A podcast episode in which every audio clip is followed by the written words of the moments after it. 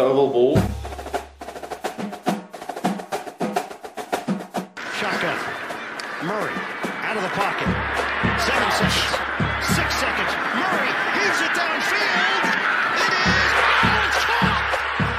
It is caught. DeAndre Hopkins. Miraculous. I play in the NFL. I think I play in the NFL. I think I play in the NFL.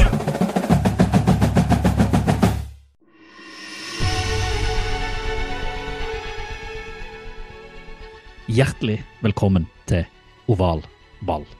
Vi tar en times høstferie for å gi deg alt du trenger å vite om NFL. Hei, Stian. Hei! Og velkommen tilbake, Kenneth. Takk skal du ha.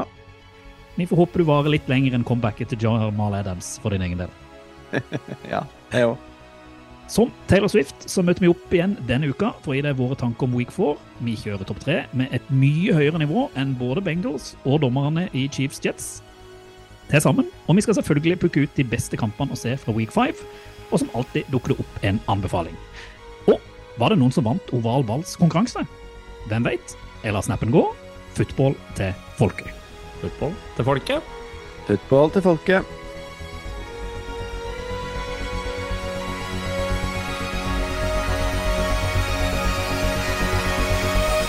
Ja, velkommen tilbake, Kenneth. Fikk du med deg den beste episoden fra oval ball noen gang sist? Ja, jeg fikk med meg, fikk med meg, fikk med meg Jan. Uh, og så fikk jeg med meg litt, uh, litt preik, og så jeg håper Eller egentlig, jeg, jeg har bare kommet på halvveis. Sorry. Hadde vi konkurranse? Nei, faen meg håpløst. Det var jo feil, dette opplegget. Unnskyld, unnskyld, men, uh, men jeg høre på denne, for nå er jo jeg med. Nei da. Men eh, det var sykt hyggelig med Jan, da. Det, da fikk jeg litt sånn tårer i kroken. Det likte jeg. Du er så myk. Jeg er myk. Men når noen er glad i å høre på, så blir jeg jo kjempeglad for det. Jeg skjønner. Har du, har du gjort et eller annet fornuftig siden sist vi så det? Nei, jeg kan aldri tenke meg. Men uh, nå har jeg jo hatt en rusfri måned. Uh, Går det på en til? For lenge siden. Ja, jeg prøver. Jeg i hvert fall litt til, da. Få se. Men det er ikke noe sånt. Jeg har vært på fest, og vært på pub og sett fotball, og vært på pokerlag uten å drikke. Det jeg føler det er ganske sterkt. Det, det går greit. Det er ikke noe problem. Jeg følger eh, FHIs råd for alkoholkonsum, det vil si null. Er det Når du sier det ikke er noe problem, var det sånn at du måtte teste for deg sjøl fordi du var på vei utpå? Du måtte ta en pause for å bare overbevise deg sjøl om at 'jeg klarer å holde meg unna'? Nei, det, det var ikke sånn, men eh, det er jo litt sånn at man er, eh, alkohol er jo ganske sånn uh, i, Digg? Hva skal vi si, filtrert. Ja, det er det også, men det er jo også inn, inkorporert i våre rutiner. Som for eksempel at når du og jeg møttes i Oslo for å se soccer, uh, så, mm, så er det naturlig å ta en øl. Men uh, da hadde jeg noe lettøl, da, så det er ikke noe sånn megasavn. på en måte. Jeg var oppe og jogga sju dager etterpå, da, så det er klart det er jo noen plusser. Men du vet at lettøl har alkohol i seg, så du har ikke vært rusfri da? Ja, men sånn, jo, 0,5 telles ikke. Eh, er lettøl har 2,5. Ja, men ikke lettøl, da, men alkoholfri øl, da. Ja, det er sant. Da er det Altså, greit. Da må, du, må du passe på at 0,5. ikke du lurer Ja, deg ja, selv. ja, ja. Ja. Nei, nei, jeg, jeg lurer meg jeg lurer meg ikke selv. Eh, Du da, Stian, har du fått tatt deg noe å drikke? Ja, jeg har høstferie også, så jeg eh, koser meg. Så deilig. Ja, kom rett fra legen. Nå var det sannsynligvis noe avrevne sener i leggen. Eh, MR to confirm. Eh, Høres ut som NFL-skade, dette her. Ja da. High ankle sprain? Ja. Da? Så da kom den nye sykkelen i går, så da har vi vært ute og testa den. Så blir det Men det er ikke vondt. da. Det er ikke dumt. Men det er ikke vondt heller, å sykle. Nei. Nei. Det blir ikke samme belastninga. Nei, det kan jeg skrive under òg. Jeg har hatt masse leggvondt eh, sånn, og da sykling fungerer strålende. Ja, det er det, Mm. det er det som blir eh, oppskriften fremover. Mm. Du, ja? Eh, Ingenting. Fått meg betennelse i akilles. Så jeg er litt sånn samme som det. Så jeg står og gjør sånn gøy øvelse i trappa tre ganger om dagen. Som du ja det sånn gjør ikke jeg. Nei, det er så kjedelig. Det er så kjedelig. Men jeg tenker at skal jeg flykte fra dette livet med to barn og, og logistikk og kaos, så er den eneste måten å flykte på er å løpe. Så da må jeg få det beinet til å funke, så jeg kan komme litt ut i naturen. Det var sånn jeg begynte på crossfit, vet du. At jeg hadde akillesbetennelse. Jeg kunne ikke løpe på en stund. Måtte finne noe annet å gjøre.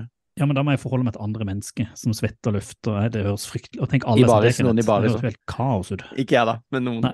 Har du, du kan jo ikke ta én treningsøkt i baris, Kenneth, og filme det. Ja, den er litt fristende, faktisk. Men jeg skal ikke gjøre det.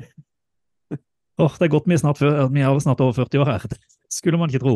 For lenge siden. Så lenge siden. Men eh, skal vi ikke heller bare hoppe rett opp i gryta og prate litt fotball? Oh yes.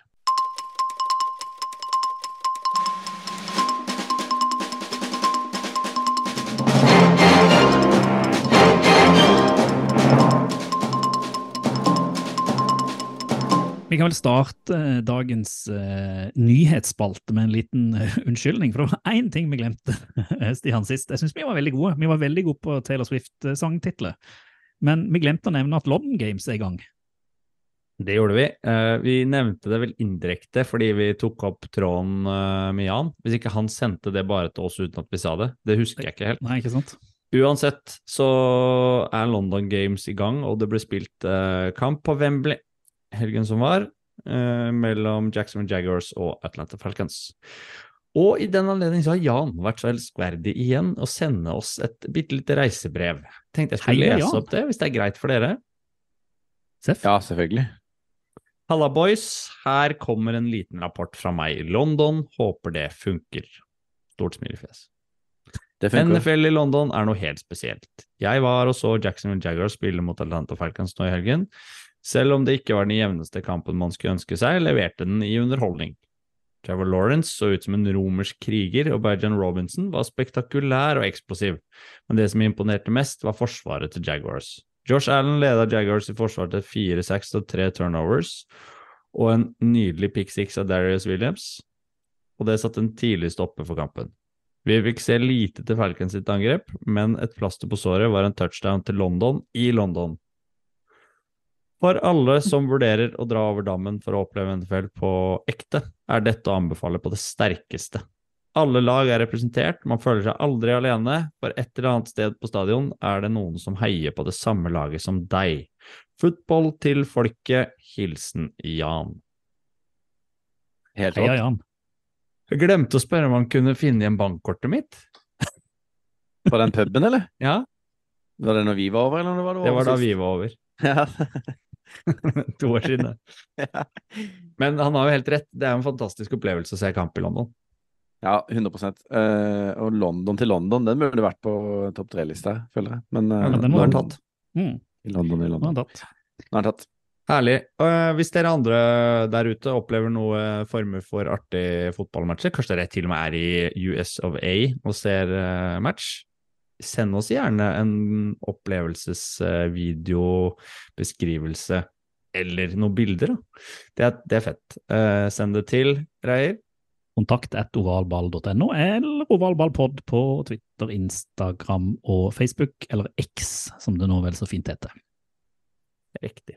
Det er noen andre som da har eh, den siste tida oppdaga amerikansk fotball. Å ja. Taylor Swift kjører. det går. Var til tenker du, stede igjen nå? Nei, jeg tenker jo at uh, dere som bor i Oslo tett på disse mediehusene som nå skriver om uh, NFL daglig, uh, burde ha, ha en jobb å gjøre med å på en måte, Hvorfor er ikke vi intervjua? Det var det jeg tenkte. Eller dere, da. Eller jeg, Om først og fremst. Er jo vår, jeg er om NFL, da. Når det er en sånn eh, Når det er en svær artikkel i Aftenposten, og Reier er jo en ekspert allerede, en medieekspert. Det er han som driver med det populærkulturelle. Ja, men jeg tenker jo at her er det jo, Dette er jo Stian sin rolle, for han, er blitt, han kan jo skrive NFL-kommentator under på en måte byline. Absolutt. Ja. absolutt. Så her har dere to en jobb å gjøre, er egentlig min, uh, min take på dette. Uh, uansett er det jo ganske vilt å se NFL-logoen på topp toppsak i Aftenposten i går. Da kjente jeg litt på det. Altså inne på rart. Hva Twitter-kontoen kjente NFL du òg, på? så er det bilde av Swift bak der òg. Det er syke greier. Ja, ja, ja. ja. Nei da, så, så Noe av det Swift- villeste som kommer ja. ut av det, av Swifties-fansen der, du, de tror jo nå at Zack Wilson er bedre enn Patrick Mahomes. ja, det er ganske kult. Ja. Oi, oi, oi. Det må jo sies at den her New Heights-episoden til Kelsey-brødrene som ble sluppet forrige onsdag eller noe, den eh, er jo den mest hørte podkasten i år eller noe. Den topp toppa alle podkastlister, og det var liksom folk satt der og transkriberte ut alt som ble sagt, for å finne ut om det kom noe juicy stuff. ja, jeg kom bare halvveis i det nå. Har dere hørt den? Eh, Ja, jeg hørte hørt gjennom den så vidt. Måtte jo Var det. Noe, var det noe juice, da? Nei, det var jo bare Nei, det var de, det. de, de kjørte, det, det skal de ha, da. De kjørte jo nesten podkasten som to tredjedeler. med liksom akkurat sånn som de pleier, og så til slutt så sier bare Jason Kelsey ja, ok, vi er der, da. Vi må bare ta en prat om det. Og så Ja. var det jo da eh, Travis som prata litt om at han, han hadde påført seg sjøl, og han skjønte det, men han tenkte han skulle holde privatlivet for seg sjøl. Men hylla òg at hun kom dit, så eh, Ja. hvem vet, hvem en to kamper på rad nå. Det er, jo, det er jo noe da. Må være noe da, føler jeg. Tradisjon blitt, da. Ja, så er det jo sånn jeg har, lest at det har noe, altså kvinner, spesielt unge kvinner, det har aldri vært så mange unge kvinner som har sett på NFL noen gang, eh, sånn eh, seermessig. Så det, du skulle nesten tro at det var et sånn der eh, PR-kjør fra NFL, at de bare har gitt eh, Taylor Swift masse, masse penger. Akkurat for det, skjønner jeg, akkurat det skjønner jeg ikke helt, for da ser de på kampen for å se at hun er på tribunen, eller, eller De liksom skal er vel gjøre det samme som Taylor Swift, da. Ja, sånn, ja. Jeg aner ikke. Hun er jo Mm. den største stjerna i USA, så hvem vet. Ja Vi heier på det, gjør vi ikke det? Ja, ja, ja. Heier på alt som gir NFL, eller fotball til folket. Ja. Dette er jo helt Flere folk. Ja. Football til Swifties. Så det er bare å kontakte oss hvis dere lurer på noe, så skal vi gi dere pri private leksjoner, skulle jeg si hva dette her går ut på. Ja, det hørtes feil ut. Vi går videre. Eh, en, en som ikke kommer til å møte eh, Taylor Swift med det første på en NFL-stadion, det er Chase Claypool, Stian. Ja da, han var jo ute og kritiserte Bears her eh, for en tid tilbake. Bears har kritisert han. Eh, han ble jo trada inn for, var det eh, et først, var det førsterunde? Andre. Det andre runde, var Andre. det ikke? Mm. Mm. Stemmer. Veldig høyt. Ja. Eh, Altfor høyt, viser det seg. Han var, så ut som noe da han spilte i Steelers eh, første sesongen sin. Andre sesongen ikke så verst. Og så viser det seg nå at det kom rapporter på at han er sløv på trening, ikke møter opp og gjør jobben sin, og er en eh, Bidrar til å skape dårlig stemning i garderoben. Så nå har vel Everflues og ingen vært ute og sagt at de er ikke så veldig interessert i å ha med han å gjøre, så han er vel på trade-blokka og kan forsvinne ut. Og de sa vel også at de er fornøyd med et femterundevalg for han. Så det sier jo litt om hvor mye han har tapt i verdi. Ja, jeg skjønner ikke helt hvem som gidder å trade for han akkurat nå heller. Det er jo det, er jo, det, er Nei, det du trenger i en femte- garderobe. Femterundevalg høres veldig mye høyt ut. Ja. Bare de kutter han. Ja, jeg tror det. Da, var det Joey Porter som de fikk i Steelers for, det, for den traden, om jeg ikke tar helt feil. Det er jo en god deal når man ser på det nå, tenker jeg. Veldig. Så alle er Eh, ferdig. Han er ferdig. Er det én til som er ferdig? Ja, Kanskje. Det er jo er litt på trappene det om Bill Belichick nå er på vei til å pælme McCorkle Jones som eh, QB1. Han sa vel at han ikke kunne ha han lenger på banen, men hvilken eh, Men han sa jo også at han skulle starte neste uke, da. Han sa vel Men- det, men Ja. Det er vel, det er vel også en viss fare for at Bill sjøl er ferdig etter hvert, da. han bør vel sånn levere ganske mye bedre enn det som er blitt gjort. Det var jo under par i, i fjoråret. Um, året her har ikke begynt spesielt mye bedre. Så Nei, de sitter litt utrygt eh, begge to. Det er nok andre som det brenner mer under beina på, men uh, hvis det fortsetter sånn for uh, McCorkle og Bill så, McCorkle har vel litt trade value, da, uh, i motsetning til uh, Chase Claypool. En som ikke er ferdig, og som vi kanskje skal hylle bitte grann. Skal vi kalle han ukas hedersmann, eh, Stian? Syns jeg absolutt vi skal. Mm. Chris Jones uh, var ute og forsvarte um, Zack Wilson, faktisk, etter kampen eh, som ble spilt her eh, søndag natt. Eh, hvor eh, NBC-reporter er det Rodney Harris han heter? Ja, han var ute for å drepe. Han skulle drepe, for han lurte på hvorfor ikke Chris Jones bare kunne være med på å si at Zack Wilson var søppel på livesendt TV. Eh, Du må være enig i at han er søppel. Og Chris Jones han var ganske tydelig sa han det? Ja, han sa Ja, ja. det rett ut. Garbage. Han har vært ute og unnskyldt, uh, unnskyldt seg etterpå, uh, både til Zack Wilson og til hele Jets-organisasjonen. Men da var Chris Jones såpass at han, vet du hva, nå er du utafor og snakker ned en spiller og viser ganske lite respekt. Eh, han leverte en kjempekamp og jobba hardt, traff på masse på gode pasninger og hadde masse good plays, så nå bommer du totalt. Han satt egentlig NBC-reporteren på plass, og det setter vi pris på, en eh, som faktisk forklarer hvor skapet skal stå. Og det kan vi jo si at til Zack Johnsons forsvar. Han spilte vel, eller Zack Wilsons forsvar, han spilte vel kanskje sin beste kamp i Jets-trøya? Ja, han var jo bedre med Mahomes, statistisk noensinne. Ja. Mm. Så får vi se om det var en Mm. fluk. Det siste vi må bare gjennom, og det, liksom, for det, jeg synes det blir liksom mer og mer og tristere og tristere, det er alle skadene som tok opp igjen. Eh, jeg går igjennom en liste, noen alvorlige, noen ikke, men jeg tenker det er greit å bare eh, nevne. Som nevnt i introen, Jamal Adams kom inn, spilte vel én snap, fikk en hod hoderystelse og gikk ut igjen for Seahawks etter å ha vært ute et år. Uh, Davis White i Bills røyk akillesen, leste. Eh, det er blitt bekrefta nå, så han er ute resten av sesongen. Har jo hatt mye skade tidligere. T. Higgins skada ribbeinet. Javonte Williams eh, var ute for eh, Broncos. Matt Stafford ødela hofta si, men spilte nå videre på et litt sånn humpete bein. Får vi se hvordan det går med han. Eh, Judon og Gonzales i Patriots er muligens ute i flere kamper. Kenny Pickett er man usikre på, han røyk kneet sitt. Og Mike Evans satt og prøvde å sykle av seg en lyskestrekk på en uh, sykkel på sidelinja under eh, Ga seg etter hvert og gikk rett og gikk i garderoben, så han er jo ute. Det begynner å bli mange nå. Eller hva, Kenneth? Mange. Og så i går så gikk vel også senteren til Giants og et par andre linjespillere fra både Seahawks og Giants. Så det, mm. det er sånn mannefall, altså. Er det hvert år? Ikke, Eller det føles det ut som det er flere nå? Ja, det, det, det, føles ut som det er flere, men det føles også ut som vi hadde den samme samtalen i fjor, på samme ja. tidspunkt. og så er det jo mange men, som ja. sier at det er kunstgresset. Altså det er flere og flere stadioner som har uh, artificial turf, og det er grunnen til at det er mer skade. Hvem vet?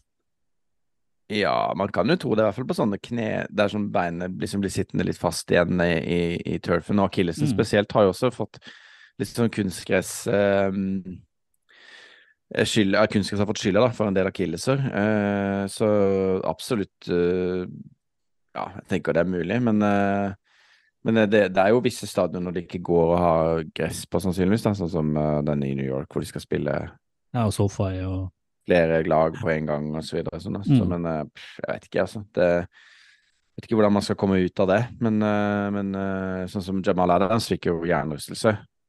Så det, det, vil jo alltid være, på en måte. Ja, det kan skje. Så, men det var jo utrolig synd for han. Altså, det er sånn. Ja, ja. Og tror Debbie White liksom. som har vært ute tidligere, ja. og så kommer han tilbake og nå finner formen, og så ryker akillesen og ut en hel sesong til for Bills som Ja. Flaks med Kenny Pickett, da, som ikke røk noe sånn alvorlig i kneet, men fikk vel en Det var mer en bone bruise? Er det ja, det er det jeg så. Mm, og de har én kamp til nå, så er det bye week, så det kan jo hende han uh, sitter en kamp, da. Og så mm. får han to uker fri, da. Men uh, det ser jo ikke akkurat sykt bra ut i Steelers uansett, da, så vet ikke. Det er sant. Det, kanskje Mitch kom inn og redde dagen for, eh, for Steelers. Det hadde vært noe.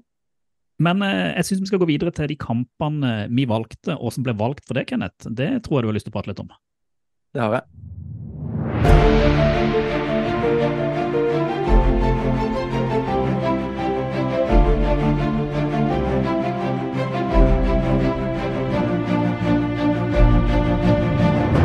Vi og Stian satt og plukka kamper sist pod, de kampene vi mente det var mest verdt å se. Og eh, hva sier man? Jeg vant kampen mellom det gode og det onde, og fikk lov å gi det det gode, Kenneth. Du fikk lov til å se Dolphins mot Bills. Eh, jeg tok et steg ned i dritten og koste meg der med Broncos og Bears. Og du gikk inn i eh, divisjonsoppgjøret mellom Eagles og Commanders, Stian. Men jeg tenker, Kenneth, du skal få lov å gå inn i kanskje det som var rundens største kamp først. Ditt elskede Dolphins og Tua mot eh, harde, blå veggen Buffalo Bills. Ja, jeg hadde jo, jeg hadde jo på en måte noen eh, elegante chatter med dere tidligere i uka, hvor jeg registrerte jo at Tua var nummer én på um, NFL.com sin QB-indeks. Eh, som jo er, det er jo litt hårete for meg som har hatt den Tua-drakta siden han ble drafta. Uh, gikk hardt inn i denne kampen med å tippe på Dolphins på bongen vår, som jo for øvrig gikk i dass. Uh, ja, det, jeg, egentlig så har jeg ikke lyst til å snakke Jeg sa jeg hadde lyst til å snakke om det, jeg har ikke lyst til å snakke om den kampen. Det er jo helt grusomt for meg, da. Men uh, helt fantastisk for Buffalo Bills. det må man jo si. De vant jo hele 48-20. så det man Det er jo Dolphins-kampene. Det, det skjer mye. Og de har jo absolutt ikke for å begynne ikke fått skikk på Forsvaret, egentlig, til nå, til nå i sesongen. Nå trodde jo Vic Fancho skulle komme inn og, og, eh, på en måte revolusjonere dette her, men det har jo ikke skjedd. Um, og når de da ikke klarer å skåre, når de blir stoppa, så er det ikke så lett å, å være Miami Dolphins, uh, tydeligvis. Men uh, Josh Allen hadde en kjempekamp. Uh, 320 yards, 21 av 25 i i lufta, fire touchdowns. Uh, han viser at han uh, skal være i MVP-race. Uh, og så hadde jo Stefan Diggs en kjempekamp. Det, når de to har en kjempekamp, så går det nesten ikke an å stoppe Bills. Tror det er ingen lag som kan stoppe dem. Eh, og, og, man ser jo at Miami sliter på corner. Skal vi se hva han heter for noe? Cater Kohu hadde jo en rimelig kjedelig aften. Ja, stakkar. Eh, en veldig, veldig kjip kamp, og de har jo um, har en del skader der. Eh, og det utnytta Bills. Og man kan også si det var en del spørsmål inn i sesongen om forsvaret til Bills, eh, fordi Leslie Frazier skulle ta et hvile, og McDermott, som er headcoach, skulle call plays på defense sjøl, men det har jo vist seg å gå kjempebra. Uh, og forsvaret deres uh, stoppa jo dette raske angrepet til Miami og sacka jo Tua et par ganger og ja, stoppa egentlig alt. Rousseau, Oliver, Michael Hyde hadde peaks. Altså de, ja. Milano, det var en uh, all around dominant kamp, selv om det var jevnt i starten. Det var 14-14, og så sa Bills ha det bra. Mm. Kjempeoverbevisende. Vi hadde jo en uh, konkurranse, Stian, som vi satte i gang uh, sist pod, hvor vi lådde ut en oval ballkopp uh, til de som da tippa riktig resultat. Og det vil overraske meg om noen greide å tippe det resultatet der, for det var mer vilt. Var det i denne kampen? Det var i denne kampen her, mellom Dolphins ja. og Bills. Har du noen Fikk du inn noe svar, og er det noen som er i nærheten, eller må vi kjøre en ny Ikke konkurranse? Ikke noe svar. Det var noen som det var mange som hadde troa på Miami før matchen. Ja, de hører på Kenneth, vet. Ja, ja, det var sånn Det Nærmeste var vel kanskje, kanskje Espen Frosta, som hadde 34-40. Ja. Det er jo i, i nærheten av noe. Ellers mm. så var det mye Ellers så var det mye Miami-seire. Mattis Holt eksempel på 34-7, Johannes Tveit 28-17, Hedli var oppe i 24-30 og Daniel Vassbøen på 27-20. Så det var, og pluss en del til, så vi har en del eh, bom. Så vi får, vi får prøve igjen på en av matchene nå når vi skal gå gjennom runden. Men jeg har lyst til å bare si til det var en kopp som ja. blir lodda ut til den som traff, eller de som traff. Er det flere som treffer, så er det selvfølgelig flere kopper. Det koster oss penger, men det er det verdt. Men Kan jeg komme med forslag? Ja. Skal vi sende en kopp til Jan, eller? Lite reisebrev fra England. Han kan godt være at vi Vi får, vi får ta kontakt altså, med han og høre om en adresse. Ja. Jeg ble så glad i det, jeg ble så glad i det to, to meldinger på to episoder. Enig. Kan være litt løse det er ikke mer som skal til. Han fortjener det. han fortjener det. Uh, jeg har bare lyst til å si, uh, når vi først snakka om uh, Dolphins og, og Bills her så selv om uh, Dolphins vinner kampen komfortabelt, så er det jo to spillere hos, uh, hos Miami som uh, fortsatt står frem, da. Så I fjor så klappa jo Tua litt mer sammen i de oppgjørene hvor de fikk juling. Han leverer jo decent tall til, til et sånt tap å være likevel, med 282 yards, én touchdown-pasning og 25 av 35 completions. Jeg syns det er mm. bra levert. Og så har du Devon Akan som fortsatt uh, imponerer. Hadde over 100 yards og to touchdowns. Det er jo en running back som kom ut av intet, og som faktisk har tatt uh, skal vi si NFL med storm? Han har, han har jo nesten vært oppe i Beijan-nivå, sånn som han holder på. Nettopp. Så jeg syns eh, Miami, selv om de går på en smell her nå, så er jo det for vane at de gjør det mot Bills, som har taket på den divisjonen. De har vel vunnet de fire siste åra eller sånn. Så Bills tilbake der de skal være. Dolphins ikke helt overraskende at de går på en smell mot et sånt offensivt sterkt lag, når de to beste offensive gutta leverer så bra som de gjorde nå. Mm. Skal vi gå i topp, eller skal vi gå i dritt først? Tenker du det er din tur? Det er min tur. Da går vi ned i dritten. Eh, du var jo veldig skeptisk til at jeg skulle velge eh, The Battle of the, the Worst, Broncos mot Bears, men jeg må jo si at det ble jo en heidundrende gøy kamp, eh, som jeg hadde spådd.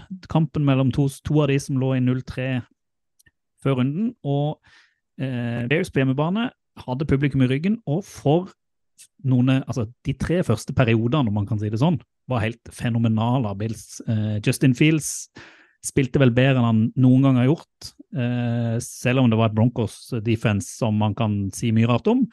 Eh, og Bears leda jo når det var, var fire minutter igjen av tredje periode, så leda de 28-7. Da trodde de aller fleste at dette her kommer til å bli en sånn der eh, Sean Payton-utdritningskamp. Men så, da, så snur det rundt. Broncos og Russell Wilson greier å skru på. Bears sitt forsvar greier ikke stoppe. Og så er det jo den derre for en sånn kontinuerlig greie med Bears at de greier ikke å unngå feil, og de gjør dårlig avgjørelse. Først så greier Justin Fields å nesten gi bort ballen i en egen pick six, som gjør at uh, Broncos utligner. Og så greier jo Bears da å jobbe seg framover. Uh, det er to, to og et halvt minutt igjen. De står på 20-yard-linen, det er fourth and one, og så velger Matt Eberflus å gå for det istedenfor å sparke den ballen. Og selvfølgelig så blir de stoppa. To og et halvt minutt igjen. Hva gjør Broncos? Nei, De går andre veien. De kommer seg opp banen og greier å sparke inn uh, med Willets, men de gjør det såpass, med såpass mye tid igjen at Justin Fields får en siste sjanse. Og hva gjør Justin Fields da? Han kaster selvfølgelig en interception. Så det er en sånn Jeg får, jeg får egentlig bare vondt av Bears, da, fordi at du, du har en quarterback som har et enormt potensial, men som er ennå kronisk ustabil. Og så har du et trenerteam og et management der som jeg lurer litt på om de vet hva de driver på med. For her, her hadde de alltid sin hule hånd. Eh, de greier da ikke stenge igjen Forsvaret, og så greier de heller ikke vinne kampen pga. rett og slett dårlig avgjørelse. Så øh, synd, men øh, kjempegøy kamp å følge, da. Det må jeg si. Man rister jo på hodet når man ser sånne idiotier. Vi satt jo så dette live. Det var helt sånn der, det er greit at man går for det, men der ja, du, du, du, du ga jo bort kampen fordi at slapp, slapp den, den var egentlig å gå for en touchdown. De kunne bare sparke ballen, og så vant de han istedenfor at det hadde blitt overtime, f.eks. Jeg vet ikke hvor jeg skal begynne engang, ja. men Bears har jo eh, Altså, fra andre quarter begynner og frem til godt ut i tredje quarter så har de fire touchdowns på rad, og de leder 28-7. Kampen er på langt på vei liksom avgjort hvis de klarer å utnytte klokka og, og spille på det, på det safe. Og så får du den avgjørelsen da på fourth and one, og han Løken Eberflus velger å gå for det istedenfor å bare ta field goal og bli ferdig. Nei, jeg skal be om unnskyldning for det etterpå, tenkte jeg. Jeg tenkte jeg ikke skulle gjøre det nå, men altså, jeg syns det er katastrofecoaching av uh, Bears igjen. Uh, så selvfølgelig så klarer Justin Fields å fumble, vel. Uh, det var vel ikke en interception på slutten? Nei, det var en fumble hvor han prøver å kaste, men, og så tar de ballen ut av hendene liksom, det, det, er den veien det går. Det er den mm. veien det går når, når et lag er i helt ekstremt motvind, og det andre i medvind i NFL, så ser du det gang på gang i avslutningshalvtimen uh, og the witching hour av red zone, at da kommer de laget her og tar igjen og vinner da på overtid.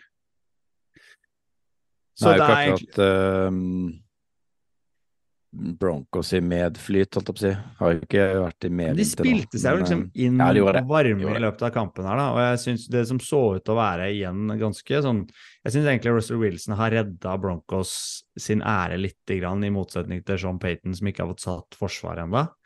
Um, og angrepet til Broncos ser sånn tålelig greit ut, og klarer Payton å få, få stramma opp bakover, så er ikke det et lag som kommer til å gjøre seg bort. Nei, men det Forsvaret ser ut som altså, nesten ligaens dårligste. og Det er jo nesten et under at Bears ikke greier å, å, greier å gjøre seg borte likevel. Men det er jo en annen, annen disku, diskusjon. Men uh, det blir spennende å se om Bears greier å få seg en seier eller ikke. Uh, det var iallfall en uh, heidundrende kamp ned i driten. Du, men du, Stian, du gikk opp til et av lagene som hadde 3-0, som skulle møte Eagles skulle møte Commanders. Ja, og litt fordi eh, Commanders Eagles divisjonsoppgjøret i NFC East alltid byr på noe dramatikk. Og det mhm. gjorde det jaggu igjen. Og i utgangspunktet, på papiret, så skulle man tro at Eagles kom til å feie over Commanders-laget og dra i land en 70-20-seier. Men det var ikke sånn det gikk, og, og Washington starta kampen kjempegøyalt. Sam Howell hadde bestemt seg for å gjøre en av sine bedre kamper noensinne. Og de leda vel 17-10 til eh, pause. Og når Eagles i løpet av third quarter gjør 11 poeng og egentlig går forbi, så tenker man ok, nå er det ferdig. Nå har de ikke mer å by på. Men så kommer Washington igjen da, eh, og vinner eh, fourth quarter med 14-10. Og avgjørelsen er jo helt hinsides når de egentlig ikke har tid til å gå på når Jalen Hurts uh, kaster TJ Brown uh, til den siste touchdownen når det er 1,49 igjen eller sånn. Så klarer Washington likevel å kjøre opp, og de får vel har blitt, Klokka har blitt justert. Nå var vel to sekunder før slutt at uh, han finner Johan Dotson. Mm. Og i den oppkjøringen tenkte jeg, skal du aldri få i gang, skal du ikke ta den snappen? Skal du ikke få, få løsna? Du har jo noen timeouts igjen, du har jo sjanse til å ta, få flere forsøk. Um, så får han gårde pasningen, og jeg syns, jeg syns det var spektakulært og morsomt av Washington-laget, som tukta en av Superbowl-utfordrerne. Uh, og så er det jo Jake Elliot, da. Kanskje han er topp to kicker i uh, NFL PT, men han leverer jo der. Uh, vi kan si rett før da, Jeg vet ikke om dere så dem da de skulle stille opp på den driven når de har den derre eh, rett før Jeg lurer på om det er på fourth and one på drive før de får nye tid og han sparker. Så liner de opp offside. Å ja. Ja, det så jeg. Ja, uten at dommerne tar det. Eh, så der skulle egentlig Eagles vært trukket tilbake, men det går så fort tydeligvis at ikke de rekker, for det er det da de kjører den der push-kjøret sitt. Og da blir man litt sånn Faen, nå hadde jo Brotherly show, hva er det ja, de begynner å kalle det ja, hadde de jo kjangs Tush push. til å Ja, og ta de. Men eh, Men burde Riverboat eh, Ron vært eh, den gode gamle gått for to? Når, eh, Ja, Howell får den? selvfølgelig. Det, jeg skjønner Ja. at ikke han gjør det, men eh, Ja. det hadde vært tøft. Jeg skjønner ikke de turt. jeg, jeg er enig med Kenneth, jeg skjønner heller ikke det. Nå har du sjanse til å slå, til å slå eh, Eagles på bortebane rett før slutt, og un, unnlater egentlig å sette deg i en posisjon hvor du, hvor du spiller mot et egentlig bedre lag i noen minutter til. Så har du sjanse til å avgjøre det med to. Når du har flyten gående, nei, gå for to der. Herregud. Jeg hadde hylla det uansett om de hadde tapt. Det, kanskje litt, ja. Det er sånn sett han, eh, han eh, slapp mye kritikk, men han hadde kunne blitt hylla hvis han hadde gjort det. Apropos Jake Elliot, så har vi fått mail eh, fra vår trofaste lytter eh, Joakim, som har sendt oss en lang historie om karrieren til Jake Elliot. Og jeg kan jo, hva kan man si, jeg kan hente ut litt av det, for det er jo det er ikke sånn at han alltid har vært en eh, stabil kicker. Han var jo for Bengals i eh, 2017 ble kutta etter week 1 der, og så ble han plukka opp av Eagles i week 2 etter at Caleb Sturgis ble skada. og etter det, så eh, i samme kamp, debuterte han mot Giants og uh, skårte field goal når det var tre sekunder igjen, på 61 yards. Da har du på en måte satt det i, eh, i Eagles. Og siden det så har han på en måte vært dritstabil. Og det jeg heller ikke visste, det var at han egentlig drev på med tennis. Han ble bare, egentlig bare invitert med på ei fotballtrening, hvor han da imponerte så mye at han uh, satsa på å bli kicker isteden. Uh, så ifølge Joakim da, så mener han ennå, og det er han enig med oss, at Tucker er nummer én, men at da Jake Elliot nå kanskje er den som er kicker nummer to i, uh, i NFL. Og så får vi jo litt skryt for at vi har setter pris på å hylle kickere, som han òg mener er en av de viktigste posisjonene i amerikansk fotball. Så Kicker Club, der er vi alle helt, helt enige. Så takk for, eh, takk for mail, Joakim. Det gjelder der andre òg. Det er bare å sende innspill til kontakt.ovalball.no. Eh, spesielt med ting som ikke vi vet. Det setter vi stor eh, pris på. Ekstra hvis dere har noe på kickere og puntere og longsnappere. Det elsker vi. Spesielt longsnappere. Topp tre. Tre topp. Pott tre. Opp tre. Topp tre. Ovalballs topp tre. Hopp tre. Så er det spennende som folk her i dette digitale studioet har skjønt konseptet. Det er én liste, tre plasser, osv., osv. Du Stian, du har vel sikkert skrevet en avhandling i dag òg, men har du greid å lage en eh, topp tre over et eller annet eh, fra denne runden? Mm, Jeg vil ha meg frabedt de der nedlatende kommentarene. Det var til meg, det, da. Ja, det var egentlig det. Jeg ville bare ikke meg og. Kenneth her. Mm. Uh, jeg har gjort det veldig enkelt for meg sjøl i dag. Jeg har valgt en topp tre ballers fra liksom runde fra Game Week 4. Det er egentlig de tre beste prestasjonene, sånn som jeg ser det, uh, ut fra det som er levert. Mhm. Jeg har på tredjeplass Khalil Mack, edge uh, rusher for uh, LA Rams. Han spådde jeg jo skulle være defensive player of the year i fjor. Og var det ikke. Men nå har du begynt å se hva som bor inn. Nå hadde han var det fem eller seks sacks han hadde nå mot eh, Nå i matchen nå mot uh, Colts. Og Raiders. det er jo Var det ikke mot uh, Raiders, da? Det var Raiders nå, ja. ja. Var det det? Chargers Yes. Raiders. Chargers, Raiders. Raid- Aiden O'Connell Chargers, men jeg, jeg sa Rams. Ja. Tror jeg blanda LA-lag. Jeg mente, mente Ja, ja, ja. selvfølgelig. Sånn, ja. Skjønner. Ja, ja, ja. ja. Du husker Yes. vi, vi chatta litt om denne barten til O'Connell og Det gjorde vi. Det Du hadde vi. frabedt kommentar, og så greier du ikke å treffe riktig lag engang. Hva er det som skjer her? Apropos. Apropos. Eh, jeg ble så ivrig, for jeg gleda meg til å snakke om Khalil Mack, som endelig leverte. Eh, men tenk deg han O'Connell, han uh, QB-en til Raiders, ble kasta ut på dypt vann der. Han kunne ikke svømme. Oi, oi, oi. Han, han så ut som en som du henta fra en sånn hipsterfest på eh, sånn der undergrunnen i Bergen på midten av 2000-tallet, med den lille barten og det sånn bustete håret, og så, så en del av sånn Telle Records eller noe. Men uh, også skulle han ut og spille fotball, så spist opp.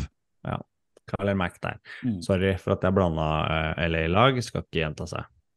Eh, nummer to har jeg satt opp Josh Allen. Han har vi allerede prata om, men nå er han tilbake i MVP-diskusjonen der han skal være. Og jeg tenker det vi har sagt får stå for seg sjøl, og det han leverte, var bare helt sinnssykt bra. Eh, og så gøy å se på Josh Allen når han er i form. Det som jeg synes var litt gøy, det var at jeg trodde du hadde Josh Allen fra Jaguars, for han leverte jo helt enormt eh, defense. Så det er litt kult at du har Josh Allen på lista di, og det kunne vært begge to.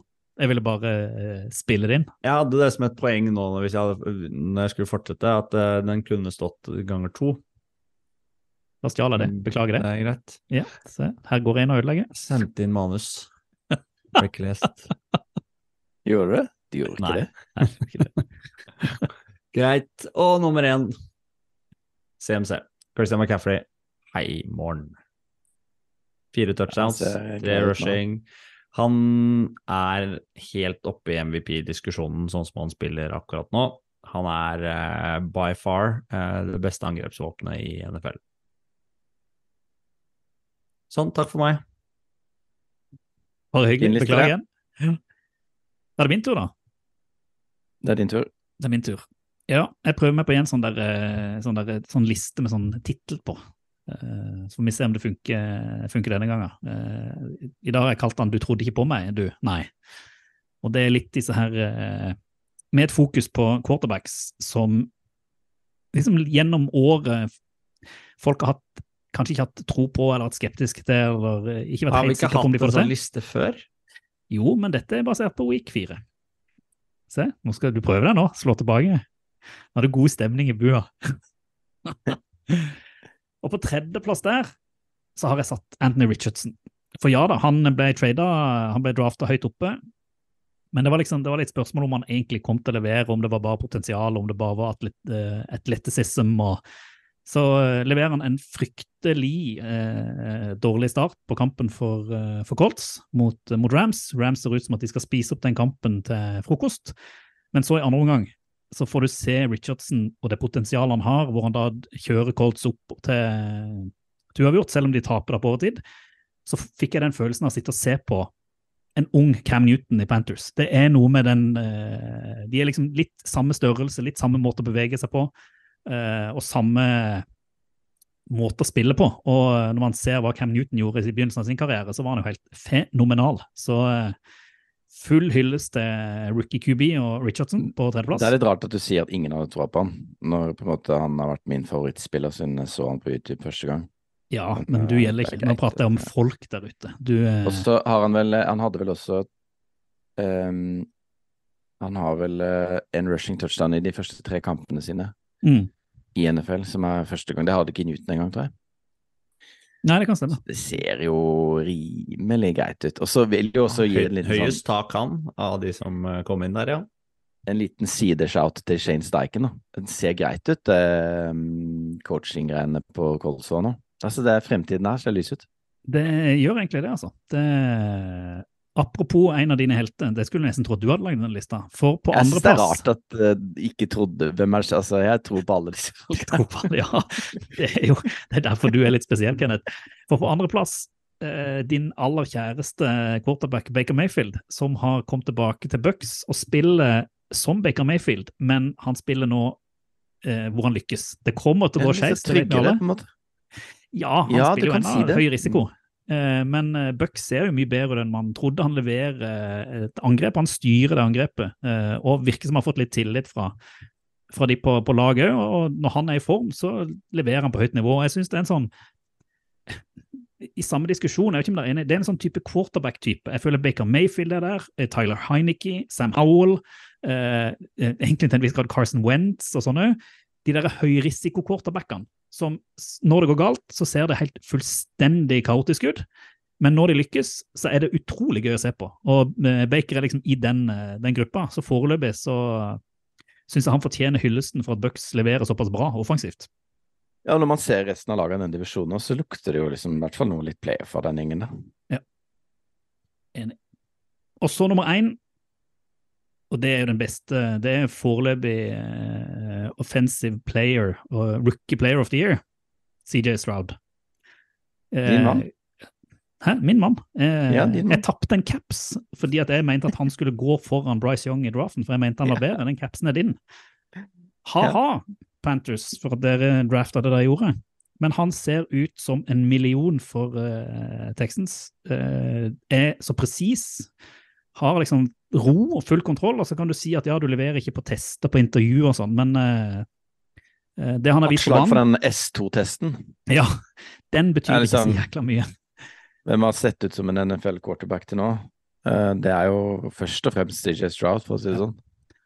Det er Så, ja. liksom han Og det, det er ikke bare det at han, han liksom han leverer, men det er bare den tryggheten han har. Det at han, han kastes Altså, han kaster jo ikke interceptions. Det er liksom ja, det er helt sykt imponerende. Så møter han da et Steelers forsvar som er et av de beste i ligaen. De mangler jo masse folk på linja, eh, spiller med masse reserve. Og skårer og, knuser Steelers eh, offensivt. Jeg syns det er kanskje noe av det mest imponerende denne runden av alle spillerne det CJ Stroud leverer. Så klar topp én på, på min liste. Og han var jo heller ikke mange som trodde på før draften. De trodde han skulle dette ut av runde én, nesten. ikke sant? Men så ble han jo Ja. ganske tidlig. Trada, ja. Houston, eh, Houston ser jo på en måte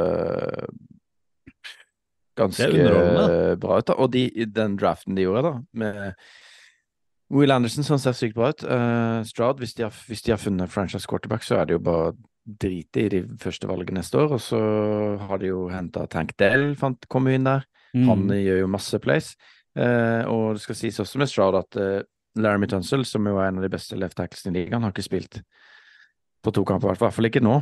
Ikke? Og, og du ser hvordan Tua klarer seg uten Armstead, for eksempel. Altså, det er det har mye å si. 36 mot uh, Pittsburgh Steelers. Ja. Mike Tomlin så ut som han hadde gitt opp den kampen der. Uh, Han var sur. Han pønta omtrent inn på eh, kick uh, rett ved field goal-mulighet. Ja. Nei, det er noe med den Shanahan-skolen òg, hvor du har de Marcus Ryan eh, som trener. Så har de vel en offensive coordinator som kommer fra Shanahan-skolen, så vidt jeg har skjønt. eh, Texans. Og jobber jobba i PFF. Ja, ja, jobber, det er sant, det. Mm. Bobby Slowick. Ja. Mm. Så eh, det er, Texans er kanskje mitt lille sånn der hjertebarn i år. Eh, sånn som det ser ut foreløpig. Jeg syns det er kjempegøy å se på de og følge de. Det er gøy. Da er det meg. Eh, etter en liten disputt her hvor du stjal min liste, så har jeg lagd en ny. Eh, Du retter den til Stian, ikke sant? Bare sånn at vi er klar over det. Min er da topp tre rookie, rookie love, uh, som ikke er quarterbacks, da, siden du har tatt de to. Um, og for å begynne på jeg, kan, jeg, har mest, jeg har jo stort sett bare QB love i min liste, så nå skal jeg ha litt annet. Og um, det, det er jo ganske bra rookie class, føles det som. Eh, jeg vil nevne først på tredjeplass Sam Laporta, uh, tight end på Lions. Har jo sett veldig bra ut, uh, og han har da uh, flere mottak, som er da 22 eh, på de første fire kampene i NFL enn noen annen tight end i NFLs historie. Og han Goff stoler på han allerede, og han ser jo vilt bra ut. Ikke bare på en måte er han svær og sterk og god til å ta imot ballen, men han, han tar imot ballen og løper med den, flytter og spiller unna. Ikke, skal ikke sammenligne med Gronk, selvfølgelig, men han, han har liksom steget, da. Og ser du blokkspillet hans òg, måten han blir brukt på linja for å mm, lage blokk, ja. åpninger i Mm. løpespillet. Mm. Helt mm. vanvittig bra. Og hadde jo et catch her i, på torsdag hvor, han, eh, hvor Goff var scrambla litt ut på sida, og så mm, fikk heiv seg jo ut og tok ballen i lufta. Ikke sant? Han er ja, bra hender og ser veldig bra ut. da. God drafting av Lions. Veldig bra. Igjen, vi snakka om Houston i stad. Lions Mm. også et av de lagene som har gjort det best. Tror vi må ha Sander inn snart for Ja, det var en Ja. vilt ja, bra seier av Lions og, og klå Packers igjen, da, etter sånn Veldig som vi avslutta sesongen i fjor òg, og så holder de det gående. Veldig bra. 24-20 vant de, for øvrig. Um, Andreplass går litt defensivt, da. Devon Witherspoon har hatt en litt uh, slow start i Seattle, kanskje. Spilte ikke første kamp, men nå ser det jo helt vilt bra ut. Breakout game. Breakout game i går. eh, 97 yards, pick six, eh, to sacks. eh, ja. Ser det var Giants, som- Det var Giants. De, Iset Altså- den offensive linja til Giants. Eh, jeg tror du Johnson har om- sacka ti ganger. Ja. Det, den linja, altså. Det er bare å si god natt.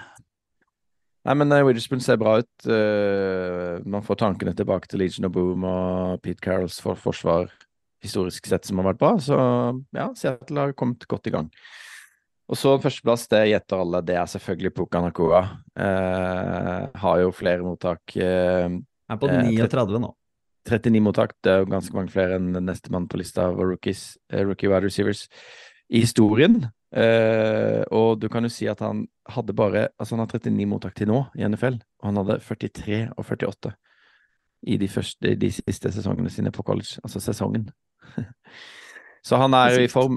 Eh, hadde 163 yards på, på kampen nå på søndag, og en touch, sin første touchdown i NFL som avgjorde kampen i overtid. Ser jo ekstremt bra ut. Det Rams-laget, ja. Kan se når Cooper Cup kommer tilbake òg, da blir det litt feisty der. Så lenge Stafford holder seg frisk. Vil dere ha idiotlista mi òg? Kjapp idiotliste. Ja, ta kjappen. Ja. Det, det er topp top fire idiot. Du skjønte ikke konseptet. I told Nei, jeg måtte ta den. det er morsom, da. Men dommeren i Jets og Chiefs, han må få Han er idiot. Han Er er ikke vår mann Kemp, var det det? Nei. var Nei, det var en annen. Jeg husker, Det var egentlig han linjedommeren der som uh, først kaster ut uh, blåflagget for å markere for interception og hvor han uh, kaster bort ballen, Patrick Mahomes, og så tar han for holdninga på Saas etterpå. ja, nytteløst. Ja, det var dårlige greier. Og holding på den lange løpet til Mahomes som han ikke tar. Eh, nei, det var mye rart i den Og holding at Ja, det ja, mye idioti. Dårlig, dårlig, dårlig. Nummer tre. Eh, så dere Njoku når han entrer eh, garderobeanlegget der? Med den han, der eh, han skulle tenne opp et eller annet i peisen sin hjemme eller noe, så klarte han å dra på seg en brannskade, og så kommer han gående som Bane i Batman med maske, baris og pelskåpe. Ja vel. For meg, det, han, det handler litt på den andre lista. Jeg vil ha mer av det. Det, det, er ikke bare idioti, det. Altså. Det er Nei, litt kult òg. Jeg er litt sånn enig med Ja. deg. at- Eh, men jeg Jeg skjønner at du ikke liker Du liker ikke sånt, du som lærer. Det skal være, lærer- det skal være stil. Lærer, vet du. Ja, det er sånn det går på skolen hos meg. uh, nummer to, Matt Eberfluss. Jeg trenger ikke si for mye. Jeg kan bare si sorry. Jeg tenkte jeg skulle ha et longshot da jeg tippa han som coach of the year før sesongen, fordi vi hadde litt tråd på Bears da vi snakka sammen om det. Det ser helt katastrofe ut. Jeg bare, jeg bare trekker tilbake tipset mitt, og så skal jeg komme tilbake med et nytt coach of the year-tips eh, når vi skal ha en liten oppsummering sånn cirka halvveis. Eberfluss, natta. Du er ferdig. I en annen organisasjon så tror jeg han har fått fyken jeg, allerede. Bare bli kasta ut døra. Det kan Ja, like gjerne bli nå. Ja. Ferdig. Og nummer én, eh, Jerry Tillery. Han spilte i Han er vel defensive tackle i uh, Raiders.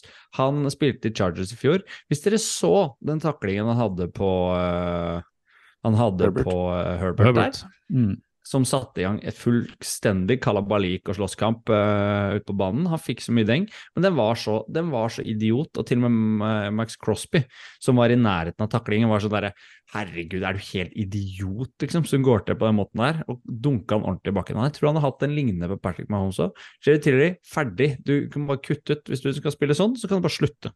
Men Han ble jo, det, det er ikke ofte du ser, men han ble rett og slett bare utvist for resten av kampene. Det, det sier liksom ja, fullt fortjent. var. Det var Mm. helt Nathan. Sjekk den Mm. taklingen på, på X, for eksempel. Hei, bare glem det. Det er det beste jeg har hørt. Dette er gøy. Det der, det er fett. Oval ball anbefaler. Ikke en oval ball uten en anbefaling, tro det eller ei. Og Denne gangen så skulle jeg nesten anbefalt reiseruta deres, eh, Stian og Kenneth, men det, vi glemte det sist. Vi må huske det denne gangen. Det er jo London Games denne uka òg. Er det kult det, Kenneth? Er det gøy? Ja, altså, jeg vil jo absolutt anbefale de som har mulighet til å ta en tur over til London og Det er det. høstferie. Kom dere over! det er det er da. Du kan ta en langhelg. Uh, og i, til, uh, til søndag, så er, og det er jo primetime for oss i Norge, vi begynner jo halv fire, vel. Så er det jo Jaguar som kjører sin andre strake uke i London, som jo er jo litt um, Hva skal man si, litt merkelig, men uh, nå, nå spiller de, spilte de borte sist og hjemme nå. Jeg er ikke helt sikker, men de møter iallfall Bills, og det er jo helt kanon. Bedre enn Hotspur forrige kamp. Stadium. Det er kong- kongekamp. Ja, se Josh Allen live er jo Hvis man har muligheten til det. Uh, Se Josh så- Allen mot Josh Allen. Det har man mulighet til. Ja! Tenk det. Det er jo et kamp i kampen. Ja, ja, ja. Det er poeng når det er kjempepoeng. Takk for Eh, den, lærer Stian. Men her, altså, her har du muligheten til å se to av de beste quarterbackene i ligaen. Trevor Lawrence mot uh, Josh Allen. Og da tenker jeg at uh, det er jo helt fantastisk. Og Tottenham Hotspur, fantastisk banekamp, og. Eh, alt er jo rigga for NFL der. Eh, var jo sånn relativt enkel atkomst. Nå bodde jo vi på et sånt eh, motell ved motorveien og flyplassen, så det er klart vi tok jo toget inn der, men eh, det er mulig å bo i sentrum òg. Veldig enkelt. Ikke å veldig komme fint å komme seg dit fra sentrum da jeg var der i fjor også. Veldig, Helt topp. veldig gøy. Kom dere over, se match, kos dere. Nei, hva skal du se på? Hva skal du se på? Rundens utvalgte. Game Week 5. Nå begynner Bay og sånn å dukke opp snart, men det er jo full runde i NFL denne runden òg, med London Games og alt. Én Monday Night Football. Og du, eh, Stian Syversen, skal få lov å velge kamp først, som du mener at folk der ute må se.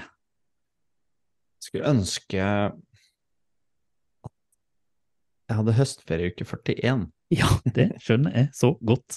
De har jo det, det på kan- Vestlandet og De har eh, det på Vestlandet. Lurer på om sånn skal melde utveksling. flytting. Ja. Ja, Utveksling til en eller annen skole på Vestlandet neste uke. Spørs om det blir veldig, veldig tungt på mandag morgen for meg nå, for jeg må velge Sunday Night Football mellom Cowboys og 49ers.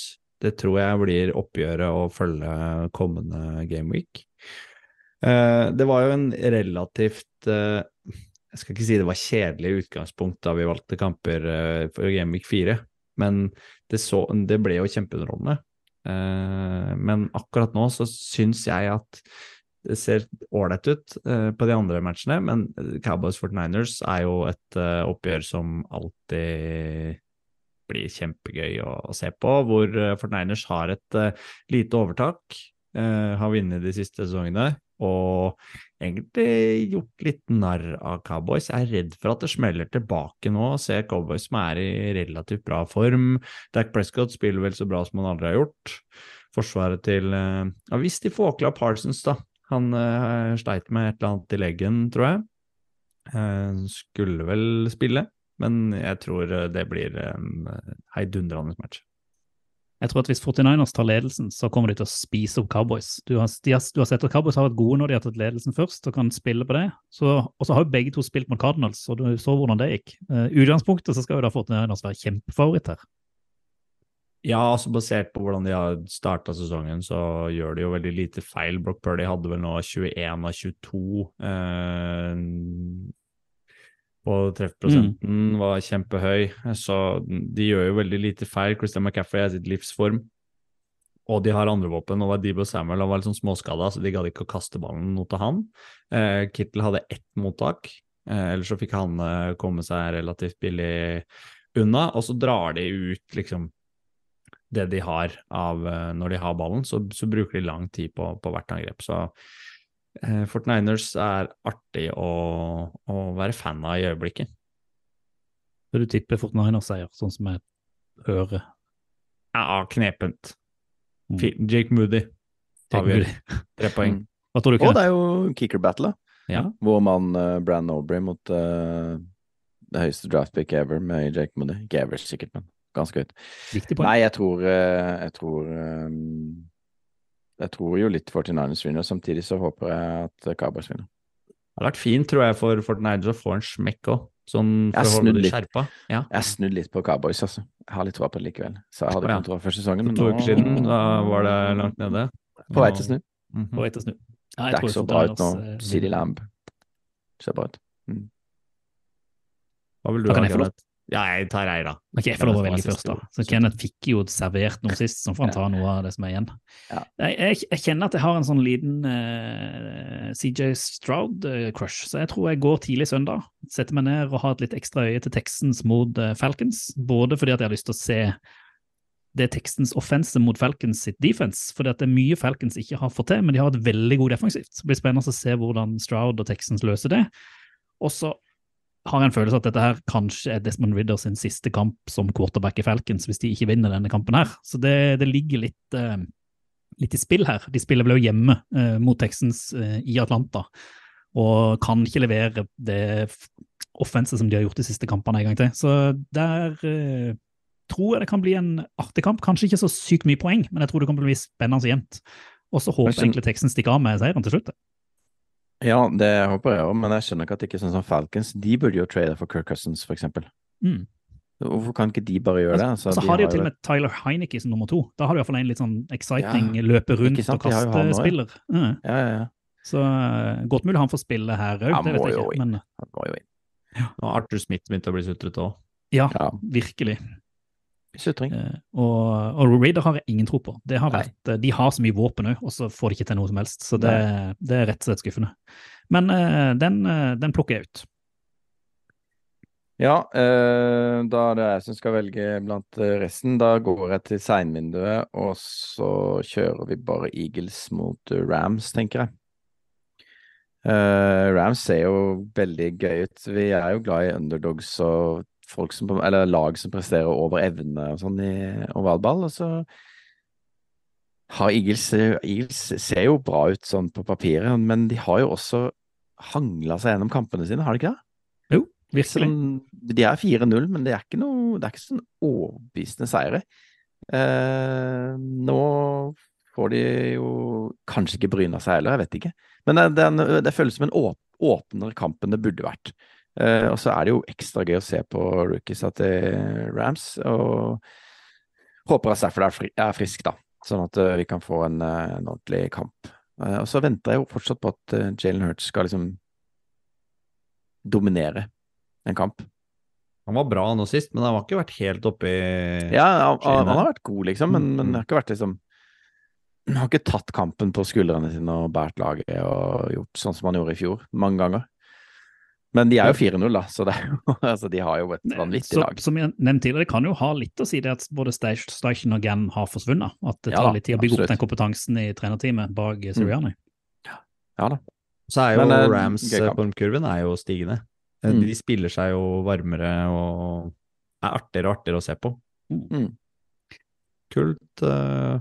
Men eh, det, dere, nå var det, nå var det Mm. ingen som eh, Nå sendte vi en eh, kopp til Jan, da, men vi har nå en kopp igjen. Og jeg tenker at vi, Vi har jo flere. eh, Vi har flere. Men vi, jeg tenker vi skal kjøre, kjøre samme konkurranse en gang til. Men eh, det hyggeligste er jo kanskje å gjøre det når folk sitter seg i kampen under eh, red zone-vinduet. Da blir det kampen du plukka, da, Reir. Ja, det var det jeg tenkte.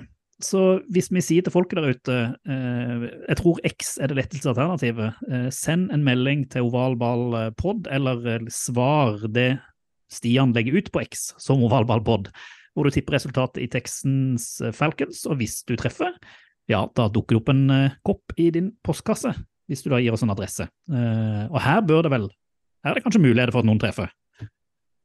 Hva tror Ja, du? det er vel sa samme sannsynlighet Det er jo gang. ikke noe sjanse for at noen treffer.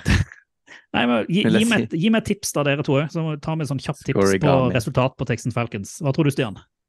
Texans Falcons 21-13. Og du, Kenneth? 27-21 Texans.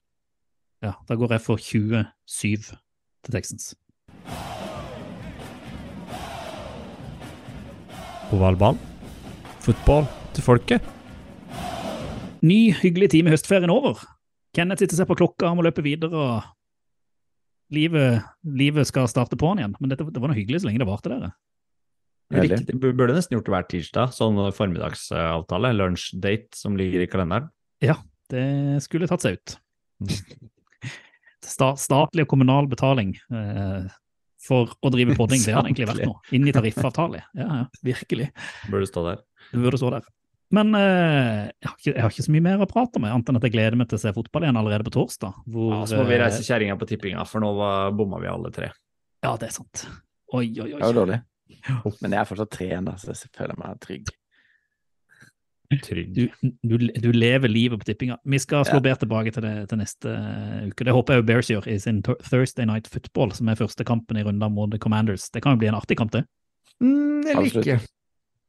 Eller Det ikke. ser jo litt sånn trått ut på papiret, det òg. Det er ikke noen kamp du står opp for å se på natt til fredag. Jeg tror det blir tut å kjøre med Howl og Fields. Det kommer til å bli helt uh, Texas. Fields er jo kul å se på når han er eh, i den formen han var nå, Mm. selv om han kløner litt. Så du får jo liksom hele spekteret og um, karakterskalaen. Og kanskje vi greier å få med noen andre, eh, om ikke neste uke, så snart, for å oppsummere litt rookiesesong og collegefotball og litt, eh, litt sånne ting. Må vi ikke få det til? Ja, det hadde vært gøy. Vi, eh, vi må prøve på det. Ja. Takk for nå. Det var stas. Mm. Og uh, football til folket. Football til folket. Football til folket. Do the Titans have a miracle left in them in what has been a magical season to this point? If they do, they need it now. Christie kicks it high and short. Going to be fielded by Lorenzo Neal at the 25. Yeah, give it Pitches it, back to Wycheck. He throws it across the field to Dyson. He's got something. 30, He's got something. 50. He's got it. 40, He's got it. 20, 10. He's got it. End zone. Touchdown Titans. There are no flags on the field. It's a miracle. Tennessee has pulled a miracle.